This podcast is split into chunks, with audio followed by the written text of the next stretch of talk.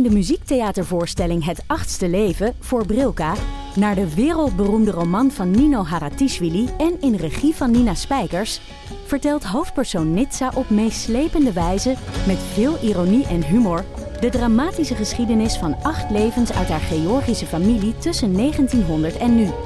Een hartverscheurend en tegelijk troostrijk drama verteld vanuit het perspectief van vrouwen uit verschillende generaties. Waarbij het publiek meegenomen wordt op een emotionele, visuele en muzikale reis door de 20ste eeuw. Koop je tickets voor het achtste leven via oostpol.nl. Van het koude Nova Zembla naar het warme Suriname en van Rembrandt naar Judith Leister. Ik ben Hubert Totan en in de podcast In het Rijksmuseum praat ik met specialisten over de verhalen achter mijn favoriete kunstwerken. Nieuwsgierig? Beluister nu de nieuwe afleveringen. Dag bezige bijtjes en zonnende zomerballen. Welkom bij Damn Honey.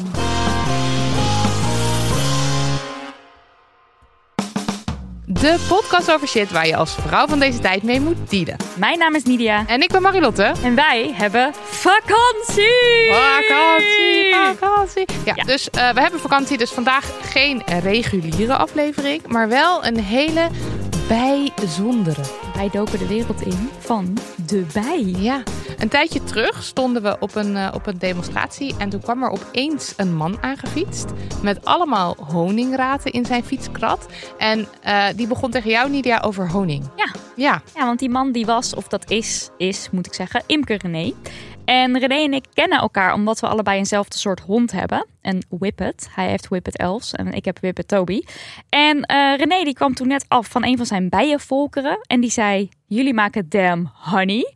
Ik maak Amsterdamse honing. Kom een keertje bij mij kijken, bij de bijenbuurten. ja, nou en dat hebben we gedaan. Wij zeiden volmondig ja. Ja, het was enig. Oké, we gingen gewapend met twee microfoons en we maakten een reportage eh, die je dus straks te horen krijgt. En we leerden allerhande dingen. Bijvoorbeeld eh, van alles over, over bijensterfte, over de zin of onzin van koud geslingerde honing, eh, van, over het proces van imker worden, de bruidsvlucht van de koningin en eh, de viscositeit van het sperma van de gemiddelde mannetjesbij. Ja, het ging alle kanten op. Ja. En ehm, ik denk dat je na deze aflevering misschien antwoord kan geven op de vraag: is het bijenvolk een feministisch volk? Ja, dus sit back en relax. En de vogeltjes die je op de achtergrond hoort, zijn er niet achteraf ingeëdit door Daniel van de Poppen. Het is allemaal echt zo relaxed als het klinkt.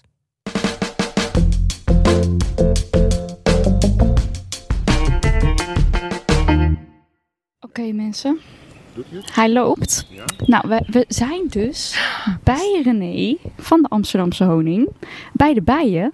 En we hebben het net heel even over de dresscode. Want eh, je had van tevoren gezegd, René, van ehm, lange broek aan, dichte schoenen. En ik ging even googlen en toen zeiden ze daar op die website van... Het is eigenlijk alsof je een volk bezoekt met een andere cultuur. Dus pas je daarop aan.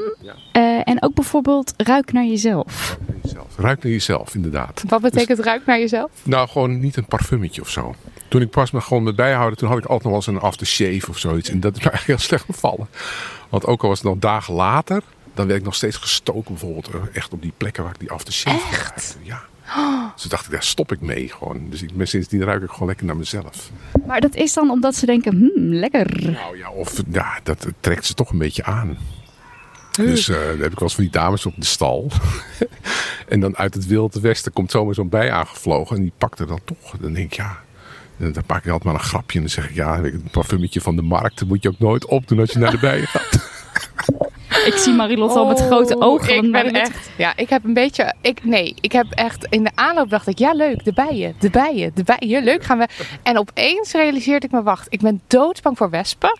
Maar bijen steken ook. Steken ook. Klopt. Moet ik hier bang voor zijn? Je hoeft er niet bang voor te zijn. Je hoeft er niet bang voor te zijn. Maar het is gewoon... ehm, eh, ja, weet je, het is gewoon rust kan je altijd redden. Je moet gewoon heel rustig blijven. Ik ben Dat niet een heel heel rustig belangrijk. mens van mezelf, maar. Oh, dat, hè? nou ja, misschien dwingt het je dan toch Ja. om rustig te blijven. Dat is met het Westen precies hetzelfde eigenlijk. Hè? Als je gewoon heel rustig blijft en geen gekke dingen doen. Ja, die wesp die komt toch niet voor jou. Die komt voor hele andere zaken. En dat is met die bij eigenlijk ook zo. Dus eh, we gaan ze straks openmaken en dan zal je dat zo gewoon zien. En je, gaan doen. en je zei net dat je hele zachtaardige bijen teelt. zachtaardig bij, ja klopt, dat klopt. Dat is wel even een bijenlesje. Als ik jullie dat zou moeten Ja, uitleggen, graag. is dat echt wel een bijencollege. Dus echt bijencollege 2.0. I love it. Ja, you love it? Ja, kom maar. Nou, het is zomaar zo, dat heeft toch iets te maken met het DNA van de koningin. Aha. Dat is bepalend voor het gedrag van die bijenkolonie. En ik zal je dat uitleggen hoe dat gaat. Stel nou eens, er wordt een, bij, een koningin geboren in Amsterdam, bijvoorbeeld hier, op deze plek. Dan de eerste zes dagen. Want we staan dus midden in Amsterdam. Ja, dat is wel leuk om te zeggen. Naast de Vondelpark staan we gewoon. Ja. Echt centraal, dat kan het bijna niet. Dus maar stel nou eens dat er hier in Amsterdam een eh, bijenkoningin wordt geboren. Dan de eerste zes dagen vliegt ze een beetje rond de kast om zich te oriënteren. En de zevende dag, op een mooie dag, zoals bijvoorbeeld vandaag, vliegt ze uit om te paren. En we weten eigenlijk niet precies waar ze paart, waar het nou precies is. Maar we weten wel dat het ergens in de lucht een groep mannetjes zich verzamelt. En daar vliegt ze als maagd in. En ze komt gepaard weer uit. En dat noemen we haar bruidsvlucht. Ach, Prachtig, hè? Ja, als het gaat, als het, gaat om het vinden van mooie termen zijn imkers heel sterk. Dus het is haar bruidsvlucht. En in die bruidsvlucht, daar paart ze in totaal met zo'n ongeveer zo'n tien mannetjes. Sommigen zeggen met meer. Maar de viscositeit van die sperma is niet altijd zo goed genoeg. Dus die tien, gaan er maar vanuit dat tien mannetjes zijn. En, eh, en vroeger dachten we altijd dat die, die, die, dat sperma wat ze binnenkreeg, dat ze dat zou opslaan als een soort spekkoek. Dat het van die laagjes zijn van al die mannetjes, zeg maar, dat ze verschillende laagjes had. Maar er zijn er een paar jaar geleden achter gekomen dat het gewoon een cocktail is. En dat betekent een cocktail van sperma. Ja, ja, klopt. Nee, dat zal ik je ook nog vertellen. Want het is zo dat die. ehm, dus dat betekent feitelijk dat 10% van die bijen zijn dus volledige zusters van elkaar. En die andere. Eh, ja, die zijn halfzusters. En je weet niet precies wie die vaders zijn, want we hebben niet meegevlogen. Dus die vaders kunnen heren van stand zijn. Bijvoorbeeld heren uit Zuid. maar het kan ook gewoon een schooier zijn. Uit waar dan ook in Amsterdam. Want die heb je overal wonen in Amsterdam. dus, eh, dus ja, dan kan het gewoon wel een heel raar sfeertje geven in het eh, volk. En daardoor zijn ze misschien een beetje steeklustig. Of halen ze weinig honing op. En hebben ze allerlei gedrag wat we eigenlijk niet zouden willen. Nou, wat we dus doen. Nou, hou op, deze Is- informatie. Ja. we wat we dus doen is, ze nemen dat jonge koninginnetje mee naar het eiland Marken. Op het eiland Marken is een bevruchtingsstation. En op het bevruchtingsstation, toevallig ga ik daar vanmiddag naartoe. Daar is een eh, bevruchtingsstation, met daar brengen wij heren naartoe en heren van stand. Dus die mannetjes, die hebben allemaal zeg maar een soort... Ten eerste hebben ze gecheckt of, ze allemaal, of het zachtaardig is, of ze veel honing halen, of ze niet steeklustig zijn. En die mannetjes die er staan, die hebben allemaal een verwantschap aan elkaar. Het zijn allemaal zeg maar gewoon neven van elkaar. Dus als het dan paart op dat eiland, dan is, dan geldt nog steeds het principe dat, met, dat ze zeg maar 10% van haar, van het bijenvolk, volledig echte eh zusjes zijn van elkaar. Ja. Maar die andere 90% zijn eigenlijk een beetje nichtjes van elkaar. Snap je? Waardoor er een wat meer, hem- eh, eh, ja, zo meer harmonisch eh, systeem ontstaat. Nou, en dat is zeg maar wat we dus nu hier hebben staan. Dus die, die volkeren die hebben dus wat een harmonischer geheel. Waardoor ze ook wat minder steeklustig zijn, bijvoorbeeld. En wat meer honing halen. Dus het is wel een beetje een soort gearrangeerd huwelijk eigenlijk wat we met Ja, ja, ja. Ze wordt Dus- naar een plek gebracht en daar mag ze worden. Daar Ja, mag ja, ze gewoon een partner uitzoeken. nou ja, goed, daar kun je van alles van vinden. Maar goed, het natuurlijk proces vindt nog steeds wel zijn weg, zeg maar. Hè? Want het is gewoon een natuurlijke aanparing. Noemen wij dat dan. Ja, want laten we er gelijk daar even over hebben. Want mensen hebben wel eens gezegd: jullie heten Damn Honey, eh, feministisch. Ehm, feminisme eh, gaat ook over ehm, klimaatverandering, je daarvoor inzetten. Het gaat ook voor sommige mensen geldt ook: ik ben veganist, want dat vind ik daar ook aan vasthangen. Bijen, honing, is dat, eh, zit, daar iets, zit daar een naar randje aan? Nou, dat zit, kijk, als, het, als je veganist bent, dan, dan past honing niet in je, in je, eh, in je assortiment, zeg maar, in je, je menu. Eh, dus dat, dat, voor, die mensen valt het helaas af. Maar zit er een randje aan? Er zit wel een, ehm, nou laat ik zo zeggen, wordt altijd gezegd dat eh, bijen wel als vee worden gebruikt. Hè, als veeboeren. Op een gegeven moment laatst stond het ook in de krant. Dat zijn van die honingboeren. Maar het is eh, zo dat ehm, een, honing, een bijenvolk laat zich niet dwingen. Kijk, het zijn echte, wat dat betreft zijn het er echte feministen. Want die laten zich niet de les lezen. Dus als ze het niet naar hun zin hebben, dan wordt het ook niks. Snap je? En dan gaan ze ook weg? Dan gaat, nou, ja, weet je, dat, is, dat is toch gewoon. Dat veel volk ontwikkelt zich dan niet. Dus als, als imker heb je wel de verantwoordelijkheid dat ze een goede eh, leefomgeving hebben. Waar voldoende honing is, bijvoorbeeld. En voldoende dracht. En waar ze zich wel gewoon kunnen, vrij kunnen vliegen. Dus ja, in dat opzicht. eh, zit, het, zit dat rauwe randje er niet zo aan eigenlijk. Wat kijk, wat mij, waar persoonlijk mijn grens wel ophoudt, is dat ik vind dat gewoon, gewoon normaal moeten kunnen aanparen. Maar geloof het of niet, het gebeurt ook kunstmatig door, door kunstmatige ins- inseminatie. Oh ja, want daar moest ik net aan denken. Dat, dat, dat is iets waar als je het hebt over eh, mensen die zich ook, feministen die zich ook heel erg inzetten voor dierenwelzijn en zo. Ja. Die hebben dat dan vaak bijvoorbeeld over koeien die dan Ja. kunstmatig geïnsemineerd en Ja. dat dat niet oké is. Nee. Waar ik me wel eigenlijk in kan vinden. Ik helemaal. Ja. Ik helemaal. Dus ik, ik ben er een paar keer bij geweest en dat is niet mijn sport. Nee, ik ik doe er niet aan mee. Nee. Ik vind dat gewoon niet natuurlijk. Nee. Dat komt ook ten eerste gewoon hoe dan met die koningin wordt omgegaan. Ja, die wordt dan in slaap gebracht en die wordt dan gewoon echt gewoon Oh, dat klinkt ook wel echt naar. En die mannetjes die worden als het ware doodgeknepen om dat sperma dan van los te krijgen. Nou, dan wordt die sperma dan, wordt dan ingebracht. Dat geeft ook wel eens ontstekingen, bijvoorbeeld bij die vrouw, bij die koningin inwendig. Nou, ik hou er niet van. Dus ik, dat is, eh, daar ga ik ook me niet mee bezighouden. Ik vind Nee. dat echt wel een, een grens overschreden, persoonlijk. Persoonlijk. En kan je dan ook zeggen van eh, supermarkthoning, dat is eigenlijk daar een beetje bij uit de buurt blijven? Nou, kijk, het is zo volgens de Nederlandse wet is honing honing. Dus dat voldoet gewoon aan eisen. Dus ik ga ervan uit dat gewoon ook de Keuringsdienst voor Waarde gewoon toezicht houdt op dat product wat er in de schap ligt. Ook al ligt het zeg maar in de onderste lade, zeg maar de onderste scha- treden. Dan denk ik bij mezelf, ja, ik kan me nauwelijks voorstellen dat het zo goedkoop is. Maar als het in een Nederlandse supermarkt staat, het is honing. Ja, dan vertrouw ik daar gewoon op dat het honing is. Ja, in plaats van suiker, suikerwater, of zo. Ja. precies. Dus eh, er is een eh, grote honingproducent in, eh, in, in de buurt van Lelystad, in de Flevopolder. De Traai. En daar zijn we een keer geweest. En die legden het ook uit dat ze gewoon gedegen onderzoek doen om vast te stellen of het ook daadwerkelijk honing is. Dus dat het geen suikerwater is. Zij kopen dat natuurlijk in van allerlei imkers over de hele wereld. uit Turkije, Argentinië, China-. Dus er zal ongetwijfeld wel eens een keer een, eh, iemand tussen zitten die de, de boel een beetje een pootje probeert te lichten. Maar ja, ze beweren gewoon dat ze er toch wel onderzoek naar doen. Maar dat neemt niet weg dat honing wel van het grootste deel gewoon wel suiker is. Er worden allerlei Maar dat is sowieso zo.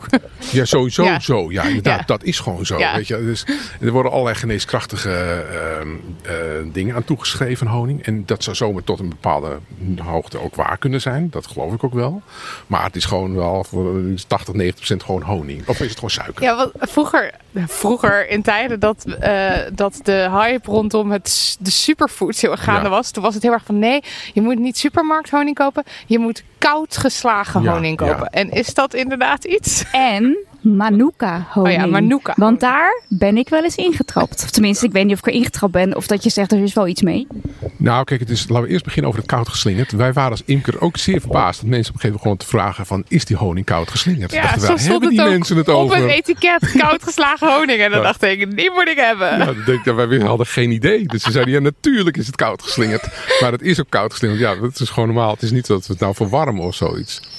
Dus ja, dat, dat hebben, zijn we maar in meegegaan. Maar warm geslingerd bestaat niet. Geen idee. Volgens mij bestaat het helemaal niet. dus hoe die mensen erop gekomen zijn, geen idee. Dus niemand, er is geen imker in Amsterdam die je dat kan vertellen. Wat nou het verschil is tussen koud geslingerd en Dat warm meen geslingerd. je niet. Oh, Ja. Ik ben er heel erg in getrapt toen wel Ja, echt ja, hoor. Want iedereen je- het was ook allemaal duurder namelijk als het op het etiket stond. Kijk, die rauwe honing, daar ben ik wel in meegegaan. En rauw, daar versta ik dan toch onder dat het onbewerkt is. Ja. Dus wat ik doe, ik oogst dan die honing. Ik dus doe die honing in een potje. En dat is het gewoon. Snap je? Ik doe er een labeltje op. Ja. En klaar. Geen, Dus ik- geen, andere, geen toevoegingen. Nee, en het is ook niet zo dat ik het later nog eens verwarm. Snap je? Je kunt het gewoon au bain-marie, kun je het gewoon lang in een pan- pannetje met water zetten. En dan wordt het ook langzaam weer vloeibaar. Ja. Nou kijk, als ik dat, dat doe ik wel eens. En ook voor iemand die bij mij honing komt kopen. En dat is op zo'n 30, 35 graden. Als je dat een uurtje laat staan, dan wordt het vanzelf vloeibaar. Dat heb ik bijvoorbeeld ook bij jullie honing gedaan. Want dan ervaar je het toch een beetje als honing, zeg maar. Hè? Omdat het dan ook stroomt. En... Dus, eh, maar ik vind het al op het randje. Dus eh, dan vind ik al zoiets van, nou, dan geef ik meestal gewoon die versuikerde honing. En dan zeg ik, nou, dit is echt rauwe honing. Als jij zelf wil dat het vloeibaar wordt, dan moet je het zo en zo aanpakken. Maar is dan, zeg maar, oké, rauwe honing. Wat is het tegenovergestelde van rauwe honing dan? Dat je, Ja, toch bewerkte honing misschien. wat, Ja, weet je, kijk, het is eh, zo dat als je gewoon een, een potje honing koopt op de markt, bijvoorbeeld bij een imker. Of bij de imker zelf, dat is nog veel beter. Dan, ehm, eh, dan op een gegeven moment gaat die honing ook versuikeren. En ja, dan weet ik, mensen associëren dat dan vaak toch dat het een oude honing is. Want dan, Oh, zijn, ja, dan denk je, ja, het is ja. versuikerd, het is oude honing. Maar het is helemaal niet zo. Dat heeft te maken. Het zou zo kunnen zijn, maar in eerste instantie heeft het iets te maken met de samenstelling van de honing. Dus als er veel glucosesuikers in zitten, dan, vers, dan versuikert het veel sneller dan bijvoorbeeld bij fructosehoning. Maar als jij naar de supermarkt gaat en je koopt een potje van die Lagnezen, zo'n spuitfles, dan spuit het er gewoon uit. En als je hem een jaar later in de, in de kast hebt staan, dan spuit het er nog steeds Ja, uit. dat Dan versuikert je, Ja, niet. wacht eens even, hoe kan dat nou? Dat die wel versuikert en die ander niet versuikert. Nou, ik denk toch dat het toch op de een of andere manier wel verwarmd wordt op een dusdanige manier dat die vloeibaarheid wel blijft staan. En dat doe jij niet. Nou, het kan zijn dat het wel puur fructosehoning is. Dat, dat, kijk, bijvoorbeeld als je echt van acaciahoning hebt, dat, dat versuikert eigenlijk ook niet. Dus dat zou eventueel kunnen. Dus laten we het voordeel Ah, ja. van de twijfel geven.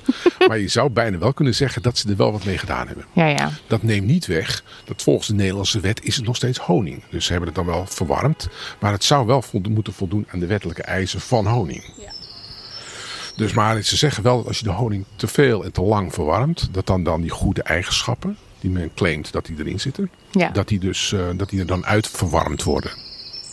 Dus ja, vandaar dus dat ik het altijd dan een beetje op het randje vind. En ook meer vertrouwen geef aan iemand te zeggen van nou sorry, ik heb het in een potje gedaan, ik heb er een dekseltje op gedaan, een labeltje op geplakt en dit is het. En dat vinden mensen dan prettig. Want Nou ja, ja, dan weet je dat het onbewerkt is. onbewerkt. Ja. Ja. dat is, het verhaal is gewoon echt gewoon eerlijk, Ja. vind ik dan. Toch? Ja, nee, dat is het. Ja. Maar de- dit deed jij dus al, voordat het hele rauwe verhaal... eh, ja, weet je, op een gegeven moment, je moet het ook langs je eigen morele lat eh, leggen, Leggen, denk ik. ja. Hè? Dan niet, het is geen, eh, niet een kwestie van het dunne draad en het slappe koord, zeg maar. Hè? Daar gaan we niet overheen. Nee, precies. En het Manuka-verhaal, heb je daar ook nog een take op? Nou, dat Manuka-verhaal, ja, dat schijnt iets heel geneeskrachtig te zijn. Heel geneeskrachtig, ja. Je betaalt er ook zo 50 euro voor. En de honing uit Jemen, dat schijnt ook heel geneeskrachtig te zijn. Ja, De honing Ik- uit en- Jemen. Ja, ik moet je eerlijk bekennen, ik neem het altijd met je een korreltje zout. Ik denk ook dat het ook een mate van geloof, dat het ook heel belangrijk is. Gelooft, als je denkt dat het goed voor je is, nou dan geloof ik ook dat het goed voor je is. Ja, het gaat bij mij dan altijd ben ik aan het trainen voor de marathon. En dan denk ik van, oh, ik moet nu even echt heel goed. En dan ga ik, dan, ga ik opeens dat soort shit kopen. Ja, erg, maar goed. Ja, dat is ook heel erg. Maar ja, nogmaals, ja, misschien is het ook niet erg, want als je erin gelooft, nou dan denk ik, nou, dan moet je dat vooral Het is doen. een soort placebo-effect, ja, wat ook, gewoon wel. werkt. Maar ja. misschien is het ook wel echt een heel goed spul. Ja, het is zo Maar het is En- ook gewoon kapitalisme. En ik zag dus, op jouw potje staat een houdbaarheidsdatum. Maar honing kan eigenlijk niet over datum gaan. Klopt dat? Eh, ja, dat klopt. Maar het is, er zijn wel, er zijn, je moet. Je moet. Klopt. Dus je moet er een datum op zetten. Maar je hebt dus in principe, er, er bestaat honing die echt zo, weet ik veel, duizend jaar oud of zo is, toch? Ja, dat zeggen ze. Wat? Duizend? Ja, nou ja, het is zo, dat heeft te maken eigenlijk met de vochtigheidsgraad die in die honing zit. Dus wat, het, eh, wat gebeurt is dat die, die bijen die halen de nectar op. Die nectar is heel vloeibaar. En eigenlijk heel, heel vochtig, zeg maar. Die slaan het op in de raten. En dan, ja, ze, ze zuigen het en spugen het eigenlijk voortdurend terug. Waardoor ze de honing indrogen. En dan komt het tot een vochtigheidspercentage van rond de 16,5, 17, 17,5 procent. En dan is het ook heel lang houdbaar. dus als je dus Oh, honing jaar. koopt van iemand die wat, wat nattere honing erin gedaan heeft. Dat gebeurt wel eens. Hè, dat je denkt aan het slingeren bent en die honing is nog niet helemaal verzegeld. Nog niet helemaal ingedroogd. Dat kun je ook als imker ook checken. Dan is die honing ook minder lang houdbaar. Maar ik zeg altijd, ja, het is wel gewoon opeethoning. Weet je, het is gewoon, eet het op, want volgend jaar is er vast wel weer honing. Dus eh, je gaat het vooral niet bewaren. Waarom zou je honing kopen om het te bewaren? Ze zeggen, nee, Ja, koop nee, het ja. gewoon om het lekker op te eten. Maar het is Toch? wel een fun fact dat je je honing duizend jaar zou kunnen Ja, het is bewaren. een fun fact. Ja. het is wel een idee. Het is wel grappig eigenlijk, dat als je toevallig een keertje achter in je kast hebt gevonden, dat je het nog steeds open kan Ja, draaien. precies. Dat je niet weg En hoeft te Dat gooien. je niet weg hoeft te gooien, want dat in principe is het nog goed. Het Ja. kan wel een beetje soort ruiken als een soort dat het dat, het- dat, dat toch, toch eens een beetje gaan gisten bijvoorbeeld. Dat zou kunnen. Maar eh, ja, dan wordt het een soort mede-honing eigenlijk. Dus eh, ja, maar dan kun je het nog steeds eten. Misschien word je er een beetje tipsy van. nou, dat kan ook wel. Helemaal dronken. Oké, nou, we gaan dus zometeen dan echt ehm, ja, met de bijen. Want je gaat het, je gaat zeg ik, hoe zeg ik het? Zeg ik eh, korf? Zeg ik kast? Hoe, ze- kast, kast, gewoon kast. Ga je open doen. En je hebt dus een speciale jas die we dan aandoen.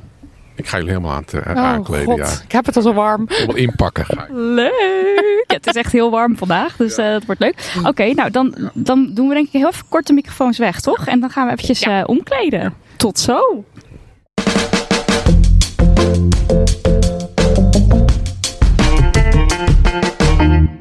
De pakken zijn aan. Ik heb er Ik overal. herhaal, de pakken zijn aan. En jij hebt een, ehm, Ja, een jas. Een jas met een. Maar we hebben zo'n kap, hè? We hebben echt, ja, de echt, ja, gewoon de echte outfit. Ik duw nu ook de microfoon tegen die kap aan, omdat ik het gevoel heb dat eh, anders maar te ver weg is. René, jij gaat niet in een pak. Dat klopt, het is, ik durf het aan. Ik durf het aan. Maar ik moet je wel bekennen, ik ben er wel zeer voorzichtig mee. Want ehm, kijk, bijen hebben wel een heel erg eh, romantisch en een beetje een Maya erbij, eh, zeg maar, imago. Maar het is wel gewoon, bijgif is wel gewoon, ja, daar zijn mensen ook heel erg allergisch voor. En je moet dat ook niet onderschatten. En het is ook nog zo dat die allergie, die kun je ook langzamerhand ook opbouwen. En daar ben ik natuurlijk heel beducht voor dat ik uiteindelijk toch dat punt bereik. Waarin ik dus zeg maar uiteindelijk dan toch gewoon allerlei verschijnselen oploop. Die, ehm, ja, die ervoor zou voor, voor kunnen zorgen dat ik of mijn, moet, mijn hobby moet beëindigen. Of dat ik allerlei tabletten moet slikken. Om, ja, daar heb ik gewoon geen zin in eigenlijk. Dus, ehm, maar goed, al, na al die jaren heb ik nog steeds wel last van zwellingen. En eh, dat heb ik nog steeds. Dus dat, geeft, me- dat, dat herinnert me er altijd wel aan.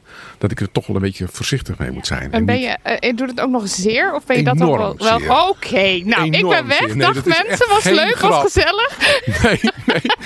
Nee, dat is echt geen maar grap. altijd, jij bent er nooit aan gewend geraakt aan de pijn. Nee. Oh, de ogen worden helemaal groot. Nee, en mijn hart begint zo zeer. hard te slaan op dit echt- moment. Het gaat die echt en wow. die gestoken waar ik, waar ik bij sta. Die- ja, en, en erger. Eh, maar, maar Oh mijn eh, god. eh, Oké, als jij zo dan de kasten ingaat, eh, maar ga je, word je, weet je nu al dat je gestoken gaat worden? Nou, kijk, het- de kans, luister, er is een kans. Maar het is zo met die jassen aan. Kijk, je ziet nu wel, ik heb een hele goede pakken gekocht. Dat ben ik wel, want je hebt wel vrij zicht. Er zitten goede eh verhalen in, zeg maar. Hè? Dus waardoor het zicht je niet belemmert.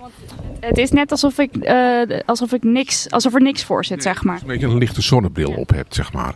Dus daar heb ik wel een beetje in geïnvesteerd. En dat vind ik wel heel fijn. Maar steken ze wel- door je pak heen? Nou, Ja, Als ik moet even maar- alle details weten. Nee, nee, nee, maar zo erg gaat het niet worden vandaag. en als het wel zo is, dan gaan we snel naar huis. Dan gaan we een kopje koffie halen. Als ze heel Dan- kwaad Dan zijn. geloof ik, dan laten die dames lekker met rust. nee, dat gaan, we, dat gaan we niet opzoeken. Maar het is wel ehm, zo, die jassen zijn altijd zo warm.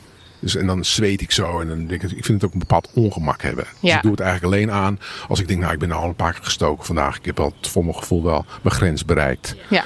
Dan doe ik, of, of ze zijn toch wel een beetje pittig. Want het ene volk, dat linkervolk, is wel vrij pittig. Dus we beginnen met het rechtervolk. Daar gaan Oh. we kijken, goed. En het linkervolk, daar hebben jullie dat in ieder geval meegemaakt. En dan hebben we een keer, zijn we samen zijn we een keer in zo'n kast geweest. En dan het linkervolk, dat gaan, moeten we eventjes kijken hoe dat gaat verlopen. Oh ja, en hebben de volkeren ook namen of het is gewoon linker nee, en rechtervolk? het nummer. Oké, ja, ja. En Wat hebben ze ook voor nummer? Oh, bij. Ja, dat is op 56. de achterkant. Ja, Ja. dat is, eh, klopt. Ja. Dus dat hou ik altijd dat wel goed geheim? bij. Nee, nee, nee, helemaal niet geheim. Ja, Helemaal ik dacht, geheim. misschien heb ik nu een Nee, nee, volksnummer verraden. Nee, nee. Nee, dat komt nee hoor. Oké, en Wel eh, fijn om die, eh, die- dus, maar we gaan ze straks openplakken. Het is zo wat je nu ziet, is zeg maar, je ziet duidelijk een, een grote kast, een groot kastgedeelte en je ziet een klein kastgedeelte. En Ja. daartussen een houten strip. Ja, Zie je? ja. En in die grote kastgedeelte, daar zit de koningin in. En in die houten strip, zal ik jullie straks laten zien, dat is een rooster. Dat noemen we een moerrooster. En die koningin is niet in staat eigenlijk om door te lopen naar boven. Want in het bovenste gedeelte, dat is de honingkamer. Daar zit het honinggedeelte in. Ah, en daar kunnen wel de honingbijen kunnen daar wel Juist, bij. die kunnen er wel bij. Dus die kunnen daar wel de honing eh, zeg maar, achterlaten. Maar, dus niet hun, maar die koningin kan er dus niet in broeden. Oh ja, oké. Zij kan daar fysiek ook gewoon niet Kan er komen. gewoon niet fysiek niet komen. Nee, klopt. Dus dat is om te voorkomen dat het een beetje gescheiden blijft. maar kan zij wel uitvliegen? Of kan zij niks? Nou ja, op die bruidsvlucht dus. Hè, dat- dat, is de eerste, dat is de eerste keer dat ze uitvliegt. En ja, het gebeurt ook als dat een volk gaat zwermen. Dat heb je natuurlijk wel eens in de krant gelezen. Dat er ergens onder een fietstas, pas, pas stond het nog in de krant. Dat er ergens onder een eh fietsenkrat een uh, bijenzwerm hing. Want het is, uiteindelijk is dat wel het natuurlijk voortplant, voortplantingsproces van bijen. Maar dan gaat een zwerm op eigen houtje op zoek naar Ja. een nieuwe plek. Klopt. En dat is altijd een discussie die er is met de traditionele imkers en de biodynamische imkers. En dat zal misschien een groot deel van jullie luisteraars zal misschien eerder in die hoek zitten. Die ook vinden van ja, al dat gedoe met die bijen, laat het gewoon zwermen. Laat gewoon die bijen zelf bepalen wanneer het, wanneer het eigenlijk tijd is om zich op te splitsen. En ehm, nou, en daar ben- sta ik ook helemaal achter. Dat vind Ja. ik zelf ook. Ik zou dat ook graag wel willen. Wij zouden zeggen, zelf weten tegen de zwermen. Nou ja, maar het is nu zo dat kijk, je woont in een grote stad en het geeft ook zo'n zwerm geeft ook wel overlast. Ja, En ik vind, ja, dan, kijk, als je nou de hele dag de tijd hebt, dan ga er dan lekker met je klapstoel naast, klapstoel naast zitten. Ja. En dan wacht je gewoon dat er zo'n zwerm afkomt. Wat een prachtig gebeuren is. Ik gun het iedereen dat je dat een keertje meemaakt. Want het geeft heel veel herrie en het is echt een natuurlijk, echt een natuurverschijnsel. Geweldig. Maar dan moet je het ook wel zelf vangen. En eh, dus dan moet je er wel voor, zorgen voor die zwerm. En dat, dat vind ik wel eens te weinig. En daarnaast heb ik gewoon een volledige werkweek. Dus ik probeer dat zwermen zoveel mogelijk te voorkomen. Om, eh, om een ander eigenlijk dat werk niet te bezorgen. Want een andere imker zeg maar, wordt dan als het ware toch maar een beetje gedwongen. Misschien ook wel voor zijn eigen plezier. Ook wel weer blij met het volk. Maar toch, het hangt soms wel eens een heel hoog in een boom bijvoorbeeld. Of dan denk ik, ja, je, ik wil dat ook een ander niet aandoen. Ik doe dat gewoon. Ik probeer dat zelf een beetje te beheersen. Ja. ja, want dat weten de mensen nog niet, maar jij bent niet fulltime imker, hè? Nee, ik doe het echt gewoon. Het is een beetje uit de hand gelopen hobby. Dus maar goed, ik doe het alleen maar in de zomer. Dus het is een paar maanden, dan ben ik heel druk. En dan is mijn vrouw is dat er ook eh, wel een beetje gewend. dat kan nog net, zeg maar. Nou, ik heb wel eens tegen haar gezegd, je bent mijn belangrijkste koningin. En als jij gaat zwermen omdat ik ga bijhouden, dan stop ik er direct mee. Maar ze vindt het wel eh, vindt het prima. En, en dan heb je, want je hebt hier kasten. We zijn dus nu midden in Amsterdam, Ja. maar je hebt op meer plekken kasten, Klopt. toch? Ik heb ook meer, nou, weet je, het, is, het klinkt net alsof ik een halve beroeps ben. Maar eigenlijk woon ik in, o ik woon in Oost. En daar heb ik dan toevallig op twee plekjes heb ik Ook dan nog bij prima. En hier sta ik toevallig op deze bijzondere plek. Wil ik het eigenlijk nog wel aanhouden. Omdat ik denk, ja, wanneer sta ik nou naast het Vondelpark? En hoe lang het duurt. En denk ik, ah, ja, dat hou ik nog wel vol. Maar het is niet de bedoeling dat ik nou een grote imker wil worden. Of dat ik wil uitbreiden. En heel veel volkeren. Er was ook een discussie over in Amsterdam. Dat er heel veel volkeren waren. En eh, nou, sommige imkers ja, die zien daar een soort verdienmodel in. En ja, dat stadium heb ik niet bereikt en dat ga ik ook niet bereiken. Nee, oké. Ik doe het gewoon voor de lol. En, eh, ja. Ja, als ik honing, honing heb, ja. dan heb ik honing. Als ik geen honing heb, nou, Dan dan, heb ik geen honing. Dan volgend jaar waarschijnlijk weer honing. Toch? Oké, en nou heb je al iets in je hand gepakt.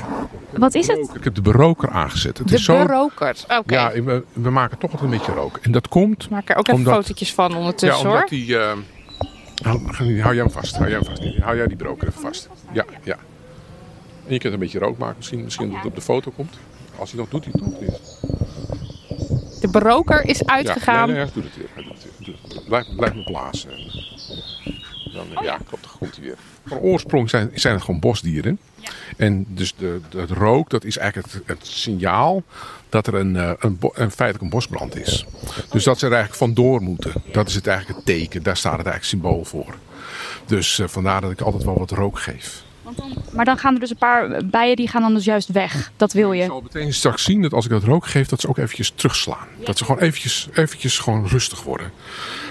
Het is toch ook gewoon het idee van dat ze ook weten dat die imker er is. Weet je, om dat stress eventjes uit het volk te halen. En dat zal je straks zien, dat het gewoon belangrijk is om dat te doen. Ik, ik heb wel eens een tijd gehad dat ik het niet deed.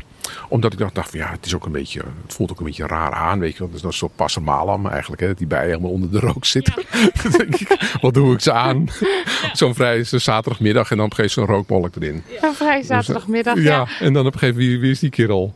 Dus eh, die er me dat aandoet. Maar het schijnt toch beter te zijn. Maar het is voor beter. hen dus echt een soort signaal om te kalmeren. Ja, het is om toch te kalmeren. Hm. Het, het verhaal gaat dat ze ook wat honing zeg maar, opnemen. Omdat ze weten van, nou luister, we moeten gewoon... Laten we de tassen pakken, want we moeten er vandoor. dat, is, dat schijnt het verhaal te zijn. Nou, ik vind het een goed verhaal. We gaan kijken. We, gaan, kijken, of, gaan het, kijken. eh, inderdaad, of ze inderdaad tassen... actie. Ja. We We gaan, de- kijken of ze hun tassen pakken. Wij moeten een beetje bij elkaar blijven, Marilotte, want we zitten met snoeren Oh, ja. aan elkaar vast. Zo, al die bijen, Ze doen allemaal wat. Kijk, deze heeft een kleurtje bij zich. Kijk, zie je het? Kijk, kan je het zien? Kijk hier. Kijk, ja, kijk maar hier. Let op, let op, let op. Kijk, oranje, zie je het? Oranje. Deze oranje, zie je het? Oranje. Komt ze. Oranje, zie je het? In die tassen van haar. Ze heeft oranje bij zich. Dat is wat ze meenemen. Dus het is zo dat dat is echt een duidelijk zichtbaar iets wat die bijen meenemen. Maar ik zag het niet. Nee, maar dat maakt niet uit. want Er komen er Ja. Zometeen ziet met geel aan. Kijk, zie je het? Deze heeft geel. Oh, ik zag het, ja. Ja? Kijk, deze heeft iets wits bij zich. Zie je het? Het is meer wit van kleur. Zie je dat? Deze bij. Ik kom hier wel heel Ik kom erbij, maar ik vind ben het er ook eng. niet bang voor. Ik blijf even hier staan.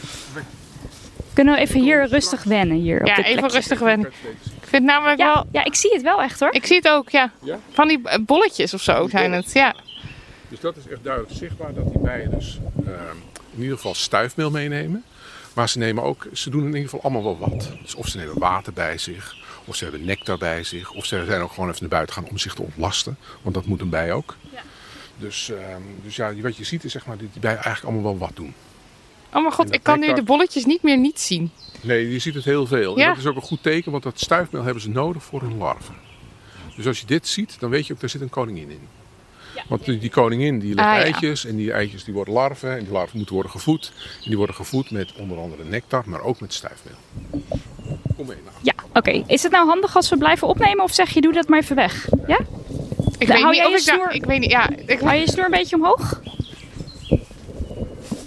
Vooral rustig blijven, hè, Marilot. ja, Dus ik denk dat ik gewoon maar een beetje hier blijf staan. En dan... Kom maar. Echt waar? Als het niet goed gaat, dan laat laat het dat. Marilot is toch een klein beetje angstig. Klein beetje. Maar René blijft Oh, wacht. ontzettend Hier is het rustig. wel minder bij je. Oké, kijk, kijk, kijk, kijk. Hier, dit is die honingkamer. Oh, kijk, dit zijn de honingkamers. Oh mijn god. Nou, eens even kijken of er honing in zit. Ik heb ze de vorige week opgezet. Dus Dit heb je ons vorige keer, want we kwamen jou tegen en toen had je dat bij je, toch? Of was dat niet, eh, ja. Ja, dat was toen. Oh, dat zijn die... Oh, eh, kijk, ja. ze gaan. hier kun je misschien al wat honing in zien. Er gaat er nu eentje, wordt er eentje zie je uitgetrokken. Zie je dat? Het glimmende, ja. Zie Ja, dit is gewoon echt dat glimmende. klassieke Dat is de honing. Dat is de honing. Je ruikt het ook, Je ja. ruikt het ook. Ja. Geweldig. En Oh, ze het blijven ruikt heel zo lekker. rustig zitten als jij... ehm, Ze doen Ja, niks. Je- pakt. Ja, ze hebben dat imago natuurlijk van dat bijen allemaal vliegen. Maar als je ze eruit pakt, dan vliegen ze helemaal niet. nee. Ik dacht, je doet die kast open en dan gaat het alle kanten op. Maar ze blijven gewoon heel rustig hun ding doen. Ja, ze blijven gewoon heel rustig aan Ook, ze zitten nu allemaal daar op dat hoekje. Oh ja, er zit heel veel op het hoekje. Zo, zo, mogelijk beschadigen. Ja, Dan haal ik het niet echt zit. Oh, dan gaan ze oké. weer. En nu gaat dan een ander deel van de we kast. rooster dus, eh, En blijven ze dan ook gewoon zitten? Oh mijn god. Daar Zoveel zitten er steekbeesten. Heel veel. Ja, Marilotte heeft echt angst voor wespen. Dus dit is voor haar, die helft die er nu overheen. voor haar vrij Ja, dit is heftig. exposure therapie. nu gaat er een beetje rook op. Gewoon een heel klein beetje. Een soort toefje rook. Een toefje rook om te laten weten dat de imker er is. En dat Zo ze van, allemaal moeten hallo? kalmeren. Oh mijn god. Het is inderdaad, ja, dit is dan dus een rustig Een volk. paar ramen in, zie je? Ja. Maar nu blijkt het zo te zijn. Kijk, kijk, twee, vier, zes ramen. Dus kijk, het is dus nog maar een klein volk. En Wat is probeer- een klein? Hoeveel is klein? Nou, er kunnen er twaalf ramen in. Maar wacht, wat zijn ramen dan? Nou, dat zal ik je nu laten zien. Oké. Kijk, dit is dus het rooster, zeg maar, waar ik het dus over had. Dus die koningin, die kan hier dus niet doorheen. Ja. En als je ook voelt, voel maar even. Is het warm? Dan is het warm, ja. Voel je de warmte uitstijgen? Ja, ja, ik voel het. Ja, je moet redelijk dichterop komen. Ja, kom maar op. Ja, echt daar zo. Laat maar. Ik, eh, ik laat het eh, wa- warmte even zitten. Ja, ik laat Ik geloof het. Geloof dat het een beetje, geloof maar dat het warm voelt, ja. Oh, wauw.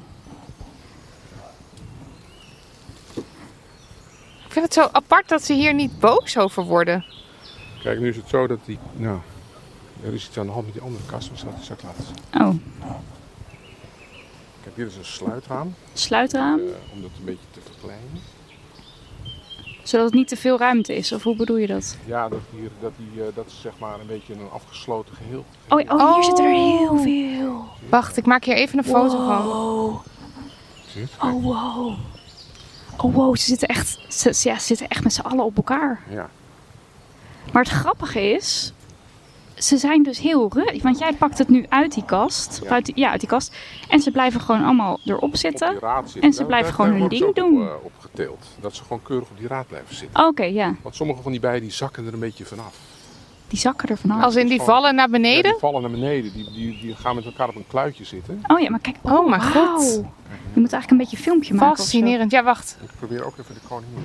Oh, die ben je aan het zoeken. Die ben je aan het zoeken. En die kunnen we herkennen aan. Ja, nou, Wij als kijk, leken. Oh, ik zie hem. Ik zie, ik zie er, denk Waar, ik. waar, Toch? waar? Die grote. Oh ja, die grote. Ja. Oeh. Hebben ze altijd een witte stip? Nee, we hebben die, dat, die geven we zelf. Oh, Oké, ja, dat is een mark. Is een markt. Maar ze Dus is we ook- weten gewoon dat het, ten eerste dat ze er dus in zit. Dat is Ja. belangrijk. Maar dat het ook deze koningin is. Het Ja. kan wel eens zo zijn dat die koningin bijvoorbeeld stiekem gewisseld wordt. Oh ja. Echt? En dan weet je van, hé, hey, wacht even, deze koningin, het is niet mijn koningin. Want het ze is een andere, andere koningin. kleur. En ja, hoe- nou, geen kleur. Geen kleur. En Wat is dit voor stip dan? Is het verf? Het is gewoon verf. Ja, het is gewoon een soort, je kan er ook gewoon nagellak voor gebruiken. Oh, Maar grappig. de grap is dus, je ziet het ook echt. Je kon het echt zien. Ja, je zag meteen, leek. want ik zag ook niet die witte dat stip meteen. Aan haar, kijk hoor, zoals aan deze kant. En aan. En de andere andere kant. Ja. Kijk, je ziet ook dat ze een iets groter rugpanzer heeft. Ja. Ja, ja, ja. Maar willen die bijen nu iets van haar op dit moment? Nou, kijk, het is zo dat eh, je ziet ook wel dat ze haar begroeten, zeg maar. Hè? Dus eh, kijk, ze lopen dus nu, nu een beetje met haar mee. Ja. Dus je kunt het hier wel een beetje zien.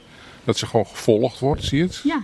Zie je het? Ze heeft toch een soort hofstaat. Ja, Zo heet het ook echt. Een Hofstaat, Ja. ja. Een hofsta. Wacht, ik maak nog een keertje een filmpje je? hoor. Kijk, je ziet ook dat die bijen hier keurig omheen staan. Ik vind het ook mooi Ze hoe dat voeden ligt. haar ook nu, zie je. Ze wordt gevoed. Ja. Zie je? Dus ze lopen rustig eigenlijk met haar Oh je mijn hemel, wat geweldig Zie je dit. dat? Kijk, ze wordt gewoon keurig verzorgd. Ze wordt een beetje haar. ge. Zie je dat? Ja. Zie je? Dus het is gewoon, eh, wordt gewoon eventjes keurig wordt ze verschoond. Je kunt duidelijk zien, ook die bijen hier omheen, zie je het? ja. Dat ze echt duidelijk een Ze zijn met hofstaat heeft. ja, ze zijn met z'n allen nu voor haar aan het Ja. zorgen en doen. Ja, Maar hebben film. bepaalde, bepaalde bijen de functie om, hofst, om, om Ja. haar te verzorgen? Ja. En eh, Ja. dat zijn deze bijen die hier zitten? Of... Nee, het is, het is een hele goede vraag van je, want die bijen die hebben allemaal een soort leeftijdsopbouw. Ja. Dus, eh, dus die- zo'n bij die wordt volgens de boekjes iets van zes weken oud. Ja. Dus maar in de praktijk wordt ze maar eh, vier weken oud. Dus ze wordt eigenlijk veel korter. Maar laten we er toch van uitgaan dat ze zes weken oud gaan. Dat het gewoon toch de boekjes kloppen. Ja. Maar in die vier, zes weken hebben ze wel elke keer een andere functie. Dus als ze pas geboren worden, dan verzorgen ze het broed bijvoorbeeld. En eh, maken ze de kast schoon. En dat soort taken allemaal. Maar op een gegeven moment als ze dan... En verzorgen ze ook bijvoorbeeld de koningin. Dus die koningin wordt nu verzorgd door jonge, jonge bijen. Maar als op een gegeven moment die bij dus wat ouder wordt. Kijk, je ziet trouwens hier dat het rooster een beetje kapot is. Kijk wel. Ik weet niet of dat een probleem is, maar kan kijk hier zie je het. Oh ja. Oh ja. Ja, een beetje gebogen. Maar kijk, als die dus op een gegeven moment wat ouder wordt, dan, ehm, ja, dan wordt dat die vliegbij die dus, dus op zoek gaat naar honing. Oh, dus dan krijg je een nieuwe functie, want je bent wat Ja, ouder. precies. En maar die, wordt hoe oud wordt die koningin dan? Nou, die koningin die kan, zo'n, die kan officieel vijf jaar oud worden. Wow. Heb je ook wel eens een koningin zo lang gehad? Nee, want op een gegeven moment neemt toch het pheromoon wel af van die koningin. Oh ja, oké. Op een gegeven moment nemen ze wel afscheid van haar. Dan is het wel klaar. En dan wordt ze gewoon vervangen. Maar er zijn imkers die proberen dat toch zo lang mogelijk als een goede koningin is. Van goede kom af.